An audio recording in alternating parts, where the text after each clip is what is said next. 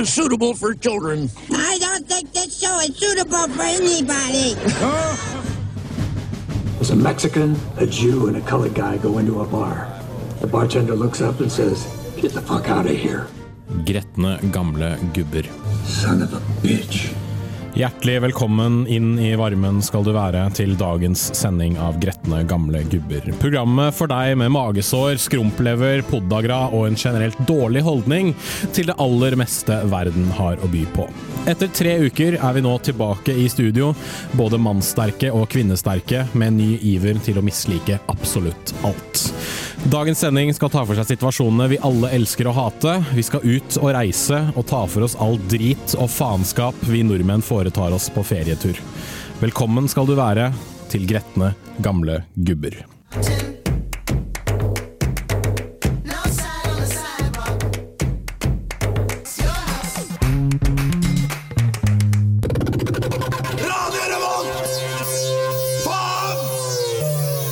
Radio Revolt er kanalen, programmet er selvfølgelig Gretne gamle gubber. Jens Erik Våler heter jeg. Det er endelig eh, tid å være tilbake i studio, det syns jeg er veldig veldig koselig. Men jeg har jo ikke med meg Mikkel i dag. Eh, Min blonde, langhårede, tynne metallkompis er fortsatt på Østlandet og jobber med noe praksisgreier. Eh, Så vi hytter med neven i den generelle retning av Mikkel. Heldigvis har jeg fått med meg to vikarer som ikke nødvendigvis er gretne gamle gubber, men de er gretne gamle kjerringer. Uh, Fra Høyre Trine Flinder. Hei. Hei. Og Hanna Gulbrandsen. Yellow. Det er litt uvant å stå her med to jenter i studio når det ikke liksom bare er meg og Mikkel som står her og lukter skikkelig mann og har det jævlig en søndagsmorgen, men eh, det, jeg skal nok klare å tilpasse meg likevel.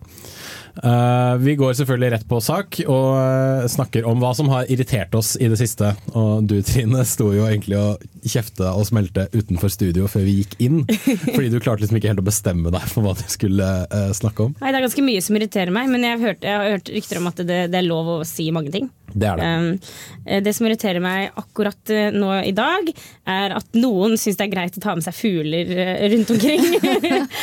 Jeg er livredd fugler. Det, det er ikke så mye respekt å få for det. Så det er greit. Jeg, skal, jeg, prøver, jeg, skal, jeg prøver med alt jeg har å, å holde fatningen, men inni meg gråter jeg som en liten jente. De som ikke skjønner subteksten her, er jo selvfølgelig at eh, Hanna har tatt med seg en av sine fugler eh, til eh, Lukasbygget, som vi sender fra.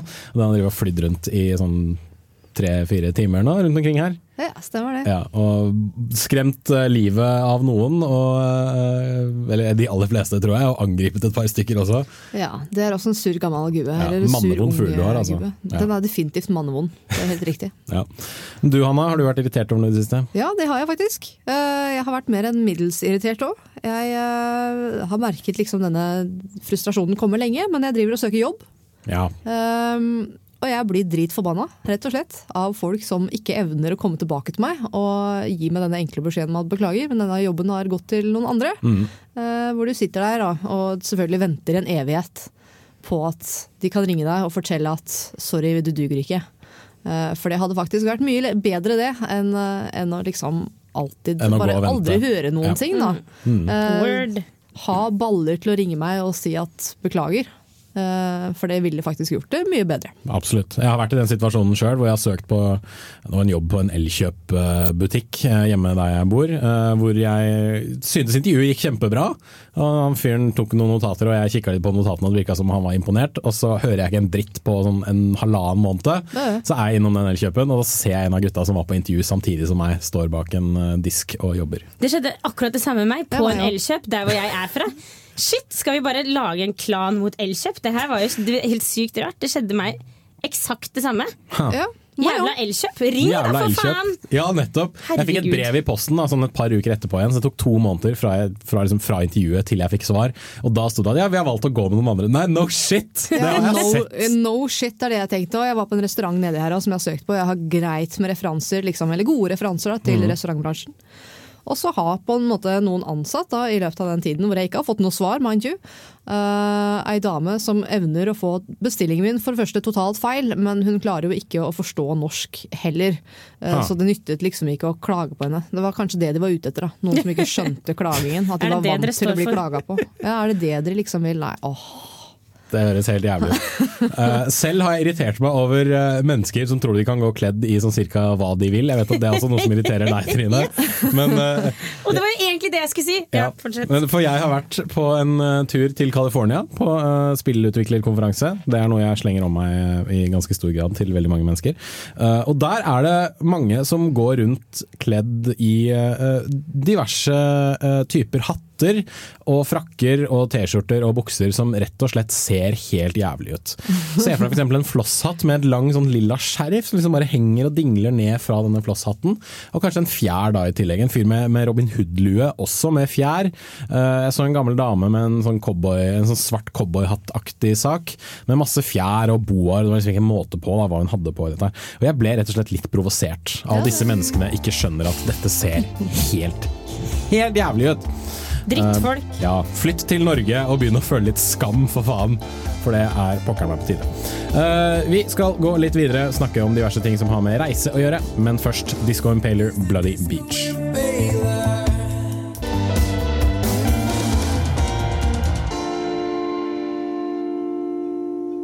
Radio Revolt. Radio Revolt stemmer, og vi heter Gretne gamle gubber. eh, selv Og fitter. Og fitter. Dine ord, ikke, ditt ord, ikke mitt, Og så altså. sa du det. Så nå var Ja, det det gjorde jeg, men det var, det var fordi du sa det først. Og da føler jeg at jeg kan si det. Vi pitcha vel en navneidé til Gretne gamle gubbers uh, Ja. damemotstikk. Ja. Med sure, eh, Sure gamle fitter. sure, gretne, sure gamle fitter, var det. Jeg syntes eh, forslaget til, eh, til eh, Emil her ute var veldig bra. Krakilske kvinner, KK. Ja. Men eh, fra det til noe helt annet. Nordmenn reiser veldig mye. Det, Du skulle ikke tro det. Man skulle ikke tro det, nei, men vi reiser veldig mye. Og når vi reiser, så gjør vi mye drit mot våre medpassasjerer. Eh, vi er eh, helt for jævlige å ha rundt oss når vi f.eks. skal på flyplassen for å ta fly til Gran Canaria eller USA eller hvor nå enn er vi skal. Mye drit med seg sjøl òg, egentlig. Uten at veldig mange vet, vet, Absolutt. det. Absolutt. Eh, og du Trine vet jeg reiser en del, eller du har i hvert fall vært i Colombia et par ganger og, og Ja, sånn ymse steder. Jeg vil si at jeg er en godt bereist Ja, og jeg jeg føler at jeg har si. lært hvordan man skal oppføre seg Ja. på flyplassen. Samme her, jeg har hatt to foreldre som begge har jobba i reiselivsbransjen i sånn, så lenge jeg har levd. Så de har liksom prenta inn god reiserutine Ja. på meg, da. Reiseetikette, Ja. rett og slett. Ja, og jeg har ikke reist hele livet, bare tatt en sånn innmari intensiv liksom, periode hvor jeg reiste mye, og det holdt for meg. Altså. Jeg Ja. klarte å lære meg faktisk litt selv om jeg var 20, så det er ingen unnskyldning. At du ikke har reist hele livet. Det fins ingen unnskyldning, faktisk. Det gjør Nei. ikke det. Først og fremst må du komme deg til flyplassen, det går som regel greit med liksom busser og, og tog og sånt, men sikkerhetskontrollen, der begynner folk å liksom Først allerede der begynner å stoppe litt. Nei, nei, før, Ja. før det. Før det, ja. Fordi du kommer inn på flyplassen, du har med deg mye, du er så stressa med hva du skal, du skal få ut disse billettene, du skal levere bagasjen din. Men du trenger ikke å stoppe med en gang du kommer inn døra for å se deg rundt likevel, når det Nei, det kommer kommer en buss med 20 Det er passasjerer bak deg. Du, du går ikke- gjennom den rotunden og så bare shit, nå skal jeg stå her og se meg rundt. Ja. Ja, men det kommer 20 folk bak deg. Så ikke engang å ankomme på en flyplass Ja. får faktisk folk til. Så, så, men nå var jeg ferdig med det. Da, da, da tenker jeg at da er jeg Ja, jeg men så skal de stå i kø, og så skal de sjekke inn, fordi de kan ikke bruke de forbanna automatene. Nei, og, sant? og så blir du overraska for at du faktisk må ha pass. Oi, det visste jeg ikke. Ja. Også hvor har jeg lagt billettene mine. Hva Ja. heter jeg egentlig, hvilket år er jeg født? Det er ikke Hva betyr antall collie? Betyr det kilo? ja. Og så printer de sånn 30 Ja. bagasjelapper. Men dette er jo bare én collie, og så er det noen som har lappa på tre plastposer på utsiden fordi de ikke fikk Ja. plass i selve stedet. Nei. Ja. Altså, liksom, det som er at Effektiviseringen av, fly, altså, av flyplassen i Norge er jo faktisk ganske bra. Der Mm. er det på en måte greit. Der er det, du kan sjekke bagasjen din selv og så bare gå inn i den køen. Hvis du er heldig og er SAS supermedlem, så kan du til og med gå hjem med sånn der super, Superkø. superkø. Mm. Jeg gleder meg til den dagen jeg får eh, gullkort eh, hos SAS. Det er ikke så veldig lenge til. Og da skal jeg bare inn i den slusa og drite i alle andre som skal stå Som skal legge å, folk i sikkerhetskontroll. Liksom. De er sånn herre Oi, måtte jeg ta ut mobilen av lomma? Mm. Ja, ja, Oi, måtte jeg ta med hatten? Ja, ja, Oi, ja, oi, oi. Og de finner det ut ofte når de står rett foran deg og skal begynne å pakke ut av sekken. Og så må Og- du ta de der kurvene og putte ting bare, dem. Oi, kunne jeg ikke ta med 100 liter vann? Oi, eh, hva gjør jeg med denne flaska her? Oi, må jeg kaste favorittkremen min? Ja. Og så begynner de å bitche som faen fordi de må kaste den kremen, noe alle burde vite nå. Og Mm. så trykker de på sånn her sur munn etterpå fordi at det var dårlig service på flyplassen. Yep. Fordi du skal følge reglene, som alle andre også skal. God! Jeg føler ikke at jeg har så veldig mye å legge til, jeg, utover eh, at eh, jeg føler at jeg ofte er veldig dyktig på å gå gjennom sikkerhetskontrollen. For jeg tar alt og liksom, jeg gjør alt før jeg kommer fram. Ja, ja. Jeg tar alt ut av lommene, legger det i jakka, jeg tar av meg jakka, jeg tar av meg beltet, jeg tar av meg klokka. Liksom alle sånne ting. Jeg har laptopen i hånda, så jeg kan bare legge liksom, Ja. fort ferdig. Jeg er også veldig sånn demonstrativ. Når jeg får tingene mine gjennom den skanneren, så tar jeg alt, og så går jeg lengst vekk fra alle andre. I motsetning til de en jævlene som bare Å ja, nå står, nå står jeg her, akkurat hvor ting kommer ut. Her skal jeg stå hele tiden, og så skal jeg lage masse kø. Og disse folka som jobber med det her, altså de som står i kontrollen, de, de, de, altså de har jo mer pedagogisk innsikt enn en akkurat ferdigutdanna pedagog som jobber i barnehage. Liksom. De lærer deg første gangen hva du skal gjøre for noen ting. Ja. Men bare når du sier det du sier, Jens Erik, så tenker jeg shit, du er en hverdagshelt, liksom. Eh, Det er helt sinnssykt. Men jeg har sinnssykt mange andre ting som irriterer meg, men ikke på norske flyplasser. For dette, på norske flyplasser så er ting faktisk ganske effektivt. Jeg kan fortsatt irritere meg, men folk liksom, de klarer seg. Da jeg var i India, så sto folk, når de sto i kø, så sto de med hodet nesten på skulderen min bak meg. Liksom, de klarte ikke det der med Og de, det var som de, for De var, har ikke Det var på vei inn i flyet, Ja. og det var akkurat som de trodde at oi, hvis ikke jeg liksom kjapper meg og kommer først, så får jeg ikke være med. Og det er sånn hallo! Du har en billett med et nummer på, vær så snill. Dette her kommer til å gå helt fint. Ikke stå og gni tissen din mot rumpa mi, liksom. Ja. Jeg tror vi avslutter der, altså. Uh, tipset fra oss i Gretne gamle gubber er selvfølgelig da ikke vær et rasshøl, effektiviser og lær deg de forbanna reglene, din dust. Window I sky I left side, best I spy. Modern Rivals med låta Pins and Stitches fikk du her på Gretne gamle gubber på Radio Revolt. eh, Der vi snakker om nordmenn eh, ute på reise, og alle den, all den bedritne faenskapen vi klarer å gjøre når vi er ute og reiser. Og eh, ja, Vi har takla alt det faenskapet vi gjør på flyplassen. Kanskje ikke alt, men en god del av det. Del, ja. Nordmenn i taxfree er altså helt jævlig, men det kommer vi kanskje litt tilbake til òg. Hvorfor skal du kjøpe en to liter med sprit før du drar til feriestedet ditt? Det er jeg ikke helt sikker på. Men eh, ok, vi har eh, gått gjennom flyplassen. Nå sitter vi på flyet. Eh, folk er like jævlige der òg. Kan jeg bare ta en ting før du kommer inn på flyet? For det er okay. veldig viktig det der med den gaten, når de sier sånn herre We would like to welcome customers with seats from 15 and to 30 to come uh. Og så reiser alle seg, og alle skal stå i verdens lengste kø. Ja, ja, ja, ja, ja, ja, ja. Ja. Krig! Okay. Det er rart, vi nordmenn burde egentlig vært jævlig flinke til å stå i kø. Men av en eller annen grunn så er vi ikke det. I hvert fall ikke på flyplasser. Det er et eller annet som liksom bare skjer når vi er på flyplass. Alle liksom, ikke, ikke nødvendigvis hemninger, men alle sånn, eh, liksom sosiale barrierer bare liksom bryter litt sammen. Jeg har også merka at flyplasser er det eneste stedet der du kan drikke en øl klokka ni på morgenen og ikke være stempla som alkoholiker.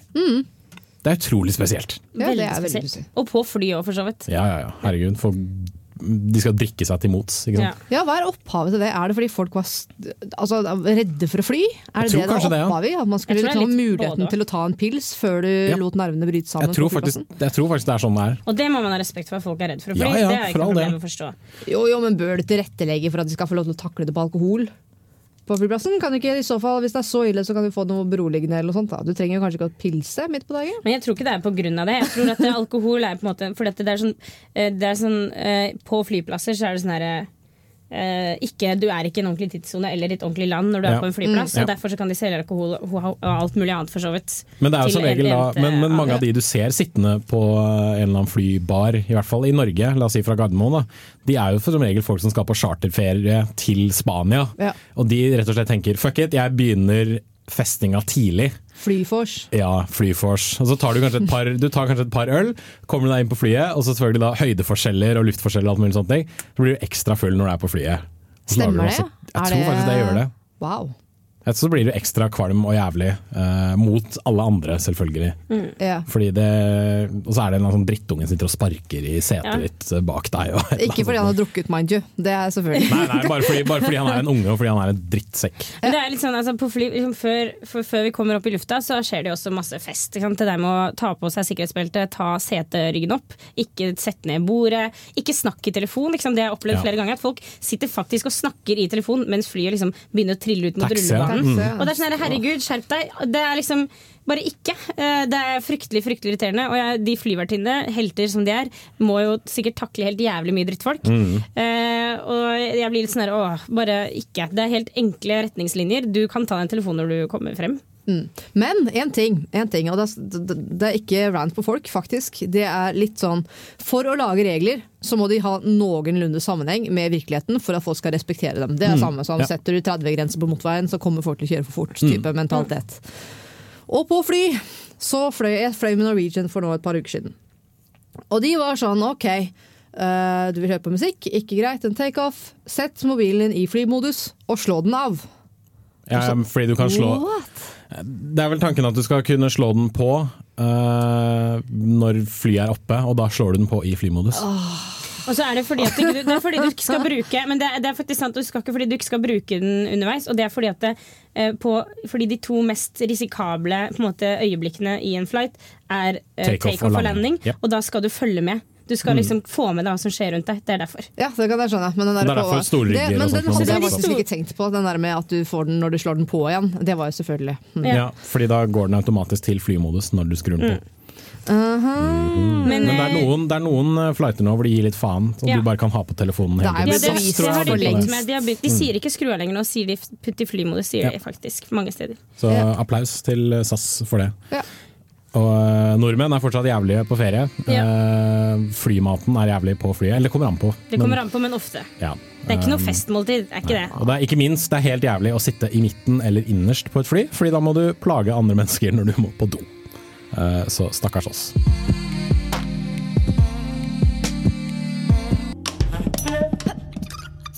Du hører på Radio Revolt, studentradioen i Trondheim.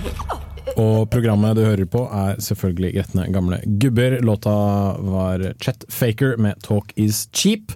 Og vi snakker om nordmenn på eh, heisatur til diverse steder. Altså nordmenn på reise og alle den faenskapen vi tar oss til. Sett deg riktig nå, Hanna. Så, Rett til ryggen. ja, de, knirker, de knirker vel i de stolene, Det er leddene mine. Jeg begynner å bli gammel. Ah, ok, skjønner. Det, da er du på riktig sted i hvert fall. Jo, takk. Uh, en ting vi glemte å nevne i stad, ting folk gjør på fly, er klapping. Øh. Hvorfor klapper nordmenn liksom- på fly? Altså, skal man klappe for noen hver gang noen gjør jobben sin riktig? Jeg synes Eller man skal sånn klappe derre- hele tiden. Ja, skal man bare begynne å klappe? Bussen nå! Bussen stoppa på Elgseteret! i Ja, ikke sant? Ja. Veldig bra. Mm. Veldig bra. Oi, den stoppa på Bakkegata òg! Nei, ja, kjempefint! jobba. Å, stoppa på Solsiden, dere! Oi, oi, oi, oi, oi! Virkelig gjort innsatsen sin i dag. Nei, det går ikke an. A. Du hadde gått dritlei. B. Det mister hele effekten sin. Det at du klapper ned. Det her er flymannen som gjør jobben sin, og som Det er ikke tilfeldig at du kommer ned i en bit. Nei, ikke sant? Dette Nei. Det, det jeg lurer på, liksom, er om, om, fly, om altså, pilotene setter pris på det. Nei. Jeg tror ikke de hører det. Tror nei, det gjør de nok ikke, men tror de liksom at liksom, hvis flyvertinnene kommer etterpå og Hei, da klappa de, altså. Så tror de liksom bare Yes! Yes! Jeg tror det kommer litt an på. For, altså, okay. uh, jeg har vært i speideren før, Uh, og en gang jeg var på speiderleir i England, så uh, klarte vi ikke å rekke båten fra Newcastle hjem til Norge igjen. Og Da sleit vi jo veldig og måtte liksom fikse flybilletter og sånt. nå. Og Da fløy vi dagen etterpå fra Newcastle til Oslo, og da vi landa, så klappa vi. Vi som var i speideren. Og Det er jo fordi vi er glad for å være hjemme en dag etter at vi egentlig skulle vært hjemme. Så da føler jeg at det er innafor. Men, Men hvis, piloten, hvis piloten vet det, så, så, hvis piloten visste det, så er det bra for han, liksom. Men jeg tror ikke det var så veldig mange mennesker som visste det heller. Som sikkert irriterte seg grenseløst Ja, det er de nettopp det jeg tenkte, fordi de, Tenk på de rundt deg. Tenk på de stakkarene rundt deg som bare Hvem er de fuckings Jeg var charterturistene her? tolv, jeg visste ikke Om det hadde vært noen som hadde kjørt deg hjem, og du hadde kommet hjem en dag tidligere, det gikk ingen fly, du måtte ta buss isteden og busse hjem, hadde du klappa når du så norgesgrensa, liksom? Du hadde jo ikke Jeg det. tror kanskje jeg hadde gjort det. jævla hvit- Jeg Hvis jeg hadde bussa fra Newcastle til eh, Oslo, så hadde jeg klappa deg. for Ja, kryssa. Norgesgrensa. Fint poeng at du sier at du er tolv, for jeg husker da jeg, da jeg var uh, liten og vi var på første altså, Sikkert en av de første eller andre eller tredje reisene jeg har vært med for familien min, så husker jeg at vi har, flydd, vi har vært på chartertur til Kreta en gang, eller et eller annet sånt her. Og da husker jeg da vi landet at folk klappet, og at jeg liksom løftet hendene, og mamma bare de tok tak i Ja. hendene mine og bare Nei! Ingen klapping! Så det er tydelig, tydelig en del da, som er veldig bevisst på å ikke gjøre det her. Men Ja. altså den derre du, du senker terskelen for klapping så dramatisk. Hva gjør du den dagen de lander på Themsen liksom, fordi det nesten har styrta? Ja. Du overlever med livet i behold. Det er greit, da kan du klappe. Det er greit. Det er greit. Men Ja. før det, det er ikke Det er som folk som sier 'awesome' til alt sammen, og når de da skal liksom beskrive noe som faktisk oppfyller definisjonen, Totally ja, sant, awesome! så har de ikke noe Totally annet super å si. sweet, awesome dude! Men eh, når folk er på ferie, på chartertur eller noe sånt, la oss si Gran Canaria eller hvor det nå enn er, Ja. eh, hva gjør vi? Trine, du hadde veldig mye å si om det i stad, vet jeg. Det er liksom bare sånn, det er på en måte bare den derre å ikke erkjenne at du ikke er i Norge lenger. da Det der med at du bare ok, eh, jeg snakker norsk fordi at de skal forstå hva jeg sier, fordi jeg er meg, og jeg kommer først, og jeg er kongen av verden. Eh, Så de går på restaurant og, så, og forventer å få servert biff og bearnéssaus, og hvis ikke maten er som hjemme Nei, jeg likte ikke den bearnéssausen her fordi den var lagd fra scratch og ikke fra Toro. Ja. Eh, Kan du, eller har dere tzatziki her? Eller liksom sånn, det er bare det er liksom Prøv å, de, når de reiser, så reiser de ikke for å oppleve liksom, kultur. De reiser bare for å liksom, være i. Norge på et litt varmere sted. Ja. Men det mest forferdelige oppi det her er at nå funker det. Ja, For ja. Gran Canaria Ja. har jo blitt et jævla Norge nummer to. Det to. sånn lenge. Men det er liksom charterturismen da, tenker jeg, som sier ja, vi skal legge liksom alt til rette for nordmennene. De skal få norsk kaffe, de skal få norske aviser. De skal, liksom, de skal høre så mye norsk at de tror de er i Norge igjen, bare med penere vær. Denne forferdelige, forferdelige all inclusive-epidemien, hvor du bare får et bånd rundt hånda og bare kan vandre inn i buffeen i hotellet og spise hva du vil når du vil. Liksom. Det er du, Og da spiser Trine du blir provosert. Jeg blir så insanely provosert. Så insane. Og da spiser du så mye du vil av Toro Bernet i utlandet, Men- selvfølgelig. For men- du får jo ikke opplevd noen ting med den all inclusive. Og de er, veldig, de er veldig fokusert på hvor de skal. De skal til landet som heter Syden. De skal, ikke, de skal til Syden. De skal ikke til Spania hvor er, eller Hellas. hvor skal eller- du? Nei, jeg skal til Syden. Ja. Ja, okay, greit. Suck it. Uh, jeg vil ikke snakke med deg noe mer. Ja. Eh, og, den derre- og de, altså spesielt som folk som på en måte er kanskje ikke på vår alder lenger, men sånn i 18-årssjiktet, som drar på disse turene til Magaluf, Hersonisus, ja. Ayanapa, eh, Bloody Beach eller, altså den heter, Bondi Beach? Ja, nei, ikke Bondi, men Sunny er det vel den heter, den okay, som er ja. i, i Bulgaria. Eh, og så drar de på sånn her Den glade viking-puben, kjøper seg den lokale T-skjorta, som til og med kanskje har et norske flagg eh, på et den ene hjerte brystrammen. ja. eh, over hjertet, Og grabberne er grus og bare fester med andre skandinaviere. Gjør det hjemme, eller egentlig bare ikke gjør det. Gå og dø, liksom. Det, du er et forferdelig menneske. Og på den bomben så tror jeg vi må gå litt videre. Hei, det her er Josten Pedersen på Radio Revolt. Radio Revolt, 12 points. Aurora Akselsen eh, fikk du her på Gretne gamle gubber. Der vi Nei, fortsatt Aksnes. Aksnes, sa jeg Akselsen. Beklager. Ja. Tenker du mye på Aksel nå? Jeg gjør, tenker litt på Aksel. Ja. Aksel eh, i Nashville, for Mm. øvrig, for de som ikke vet dette. Hør på Nashville, kult program. Uh, vi er gretne gamle gubber. Jeg er en gretten gammel gubbe. Jeg har med meg to gretne gamle kjerringer, som strengt tatt er yngre enn meg, sånn egentlig. Uh, Trine og Hanna. Det gjør ikke å si til unge for det. Nei, det er absolutt ikke. Jeg bare nevner det. Ikke samme år, nei, det er ett år eldre. det. Eh, vi snakker om nordmenn på ferie, og du Trine ranta litt om sånne fjortisjenter på Ayanapa-tur. Ja. Men så avslørte du under låta her at du har jo vært en av dem. ja. Det er kanskje Så- derfor jeg har et veldig anstrengt forhold til det. Ja, det var det jeg skulle til å spørre om. Føler du at liksom, hatet ditt kommer av at du, du ser noe av din egen fortid, og kanskje skammer deg litt over den? Ja. Jeg var svaret på Paradise Hotel bare in real life, tror jeg. Okay. Uh, og jeg hadde den her toppen som jeg nevnte tidligere, bare at jeg klippet den mindre, sånn at det ble en magetopp med ekstra Ja. cleavage, fordi det syns jeg var fint. Eh, Så hvis, du, så hvis du hadde hatt muligheten sånn for uh, eh, fire år siden, og fire-fem år siden, å være med på Paradise Hotel, hadde du tatt det da? Nei, det tror jeg ikke. Ikke? For jeg tror jeg var fortsatt Hvor gamle var var vi for fem fem år siden? Jeg Jeg var, var ganske, 21. fortsatt ganske opptatt av på en måte, frem, fremtiden min på en, et visst nivå, sånn at det ville jeg faktisk ikke gjort. Men jeg meldte på en venninne på Paradise Hotel som nesten kom med, men Oh. hun takket nei. Eh, så det, det, men det er en helt annen historie. Ja.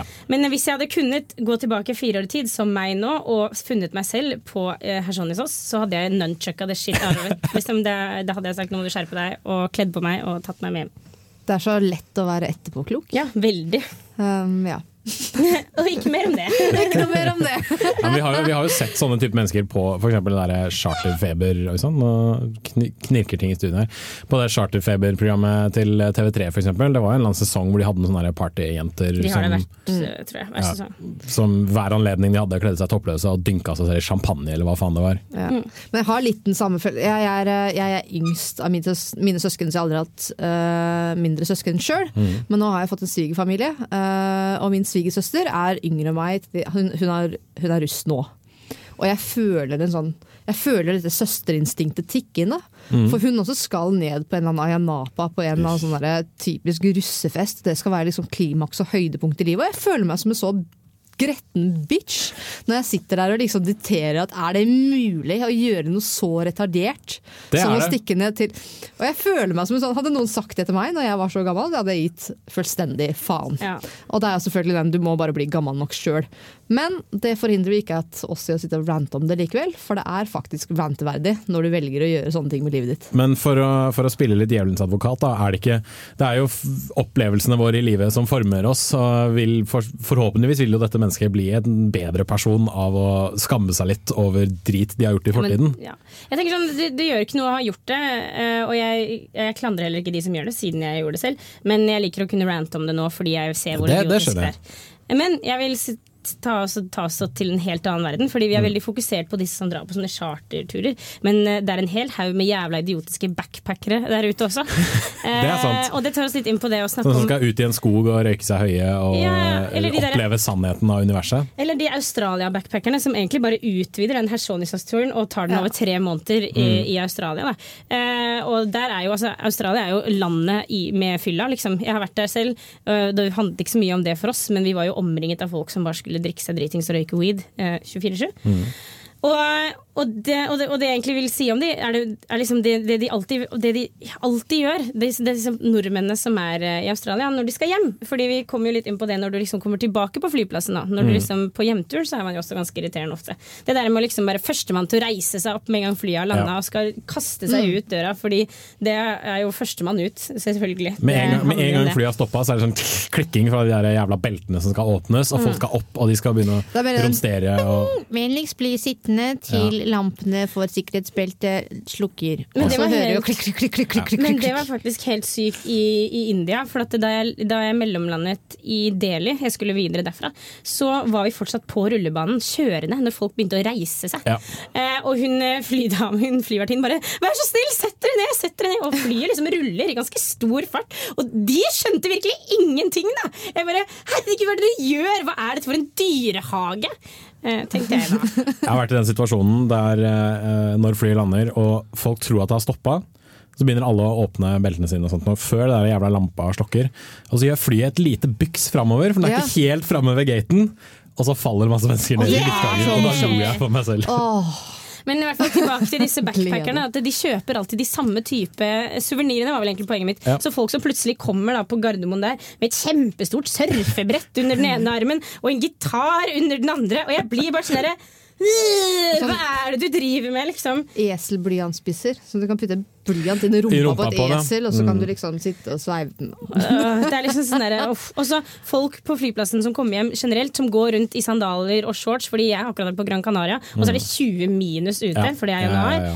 Eller, og, og, og så den samme greia med denne gule streken når du skal plukke opp bagasjen din. At du ikke klarer å gå altså, At du må liksom stå helt inntil det bagasjebåndet. Og gjerne ved der hvor bagasjen kommer ut, der skal jeg stå. For hvis ikke jeg står der, så får jeg ikke bagasjen min. jeg. Ja, ikke det er noen som tar den. Får du, og får du bagasjen din treigt, så blir du sur for det også. Ja. Ja. Og det er sånn, sånn demonstrativ sånn derre Står og tramper med den ene foten og liksom bare knipser og liksom, åh, liksom Og jeg bare Jeg får lyst til å liksom bare Gå, gå opp, kjøp en, cola, altså kjøp en pølse til dem og si 'her, ta og spis den', og så blir du kanskje litt Og går du glipp av bagasjen din første gang, så kommer den faen meg en runde til. Det er ikke verre You turn into a right diva when you're hungry. Mm.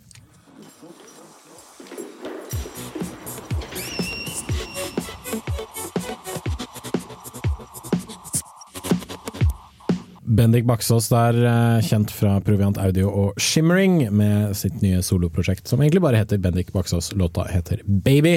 Programmet heter Gretne gamle gubber, og du Trine har en eh, backpackerhistorie å fortelle.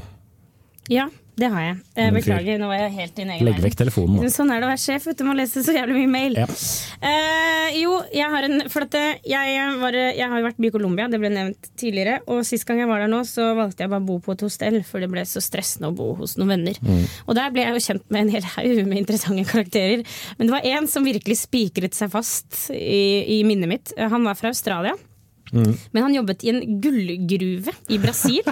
Der hadde han jobbet i snart tre år, men kunne fortsatt bare si én øl, takk, på portugisisk. Um, og, og han var da på ferie i Colombia for å ha det litt gøy. da. Det er ikke noe hemmelighet at Colombia er ganske stigmatisert når det kommer til det med kokain og sånn. Mhm. Men eh, jeg selv, som har nå vært til sammen i Colombia ti måneder, med alle de gangene jeg har vært der, har aldri opplevd å være i nærheten eller sett eller ha noen ting med, med kokain å gjøre.